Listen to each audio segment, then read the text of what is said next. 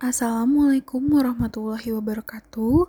Perkenalkan nama saya Adinda Ayuning Tias dengan NIM 2003682 dari Program Studi Pendidikan Guru Sekolah Dasar Fakultas Ilmu Pendidikan Universitas Pendidikan Indonesia.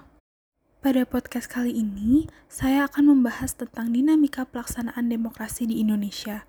Sebelumnya, apa itu demokrasi? Menurut mantan Presiden Amerika Serikat, Abraham Lincoln, menyatakan bahwa demokrasi adalah suatu pemerintahan dari rakyat, oleh rakyat, dan untuk rakyat, atau the government from the people, by the people, and for the people. Carlos Alberto Torres pada tahun 1998 mengemukakan bahwa demokrasi dapat dilihat dari tiga tradisi pemikiran politik, yakni Classical Aristotelian Theory, Medieval Theory, dan Contemporary Doctrine. Demokrasi Indonesia Menurut Budi Harjo, dalam buku Dasar-Dasar Ilmu Politik tahun 2008, demokrasi yang dianut di Indonesia adalah demokrasi yang berdasarkan Pancasila, yang masih terus berkembang, dan sifat dan ciri-cirinya terdapat pembagian tafsiran dan pandangan. Meskipun demikian, tidak dapat disangkal bahwa nilai-nilai politik dari demokrasi konstitusional telah cukup tersirat dalam Undang-Undang NRI 1945.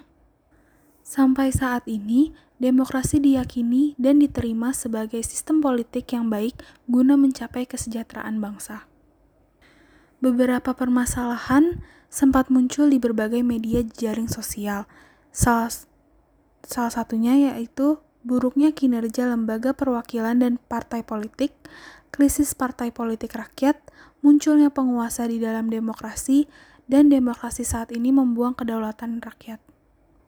Terjadinya krisis partisipasi politik rakyat disebabkan karena tidak adanya peluang untuk berpartisipasi atau karena terbatasnya kemampuan untuk berpartisipasi dalam politik. Secara lebih spesifik, penyebab rendahnya partisipasi politik tersebut adalah pendidikan yang rendah, tingkat ekonomi rakyat yang rendah, partisipasi politik rakyat yang kurang mendapat tempat oleh pemerintah menggali dari sumber historis, sosiologis, dan politik tentang demokrasi yang bersumber dari Pancasila. Dikemukakan oleh Muhammad Hatta, demokrasi Indonesia yang bersifat kolektivitas itu sudah berurat berakar di dalam pergaulan hidup rakyat. Setidak-tidaknya, ada tiga sumber yang menghidupkan cita-cita demokrasi dalam kalbu bangsa Indonesia. Pertama, tradisi kolektivisme. Kedua, ajaran Islam. Ketiga, paham sosialis barat. Sumber nilai yang berasal dari demokrasi desa. Di alam Minangkabau misalnya, kekuasaan raja dibatasi oleh ketundukannya pada keadilan dan kepatutan. Ada istilah yang cukup terkenal pada masa itu, bahwa rakyat beraja pada penghulu, penghulu beraja pada mufakat, dan mufakat beraja pada alur dan patut. Alur dan patut itu adalah logika dan keadilan. Alur dan patutlah yang menjadi pemutus terakhir, sehingga keputusan seorang raja akan ditolak apabila bertentangan dengan akal sehat dan prinsip-prinsip keadilan. Terdapat pula pepatah Minangkabau, bahwa bulat air karena pembuluh, bulat kata karena mufakat. Tradisi musyawarah mufakat ini kemudian melahirkan institusi rapat pada tempat tertentu di bawah pimpinan kepala desa. Selanjutnya adalah sumber nilai yang berasal dari ajaran Islam. Dalam dunia Melayu berkembang peribahasa Melayu pantang membantah. Melalui pengaruh Islam, peribahasa itu berubah menjadi Raja adil raja disembah, Raja zolim raja disanggah. Yang terakhir adalah sumber nilai yang berasal dari Barat. Kehadiran kolonialisme Eropa, khususnya Belanda di Indonesia, membawa dua sisi dari koin peradaban Barat. Ternyata dalam kurun sejarah Indonesia merdeka sampai sekarang ini, pelaksanaan demokrasi mengalami dinamikanya. Indonesia mengalami praktik demokrasi yang berbeda-beda dari masa ke masa.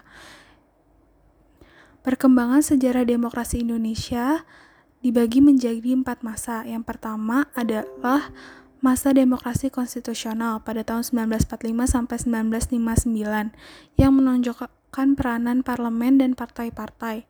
Yang kedua tahun 1959 sampai 1965, yaitu masa demokrasi terpimpin. Yang ketiga ada tahun 1965 sampai 1998 yaitu masa demokrasi Pancasila dan yang terakhir tahun 1998 sampai sekarang yaitu masa reformasi yang menginginkan tegaknya demokrasi di Indonesia sebagai koreksi terhadap praktik-praktik politik yang terjadi pada masa Republik Indonesia. Lantas, mengapa kehidupan yang demokratis itu penting? Pada hakikatnya, sebuah negara dapat disebut sebagai negara yang demokratis apabila di dalam pemerintahannya tersebut, rakyat memiliki kesempatan untuk berpartisipasi dalam pembuatan keputusan, memiliki kebersamaan di muka umum, dan memperoleh pendapatan yang layak karena menjadi distribusi pendapatan yang adil. Sekian podcast tentang dinamika demokrasi yang ada di Indonesia. Saya harap dengan podcast ini kalian bisa lebih mengerti tentang dinamika demokrasi yang terjadi di Indonesia. Wassalamualaikum warahmatullahi wabarakatuh.